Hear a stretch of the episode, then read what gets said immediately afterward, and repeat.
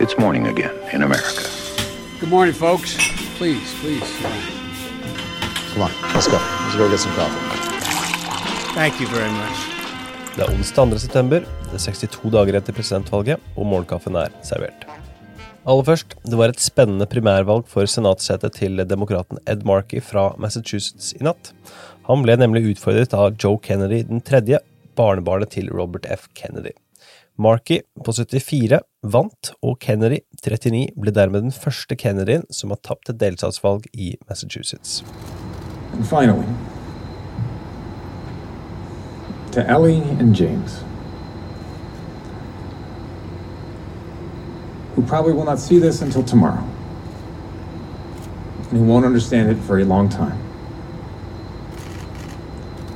If there's one message from your dad tonight, it's this. Always spend your life in the ring. It is worth the fight.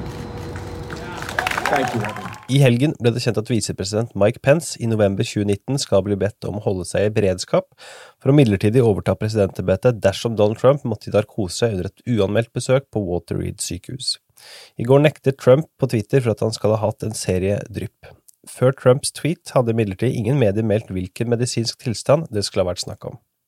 Dagens første sak. Don Trump besøkte tirsdag kveld norsk tid Kenosha, Wisconsin, der det har vært uro og opptøyer etter at en politimann skjøt og skadet Jacob Blake, en svart mann, i forrige uke.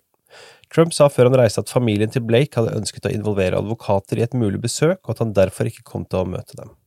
Mandag ble Trump intervjuet av Laura Ingram på Fox News om situasjonen i Kenosha, og sammenlignet blant annet polititjenestemenn som skyter mennesker uten grunn, med å ha en dårlig dag på golfbanen. Han kalte også Black Lives Matter-bevegelsen en marxistisk og diskriminerende organisasjon. Dagens andre sak, fortsatt gode tall for Biden. Joe Biden knuste tidligere innsamlingsrekorder i august. Kampanjen og ulike politiske komiteer tilknyttet Det demokratiske partiet har samlet inn over 300 millioner dollar i årets åttende måned. Biden leder med 44% mot Trumps 39% i Nevada, på en ny måling fra University of Nevada. Las Vegas. I Georgia leder Biden snaut med 47% mot Trumps 46% på en måling fra PPP. I en måling gjort for bladet Military Times så sier 43% av de spurte, som alle er i aktiv militærtjeneste, at de vil stemme på Biden, mens 37% sier de vil stemme på Trump. Dagens siste sak, nøkkelstater kan ikke åpne forhåndsstemmer. Et tjuetalls delstater har regler som tillater at forhåndsstemmer åpnes og at man begynner verifiseringsprosesser etc. før selve valgdagen. Blant delstatene som imidlertid ikke tillater dette, er Pennsylvania, Michigan og Wisconsin, tre delstater som kan være helt avgjørende for valgresultatet, og som alle tre allerede ser store mengder poststemmer. Nå forsøker lokale myndigheter flere steder å få endret disse reglene i tide til november.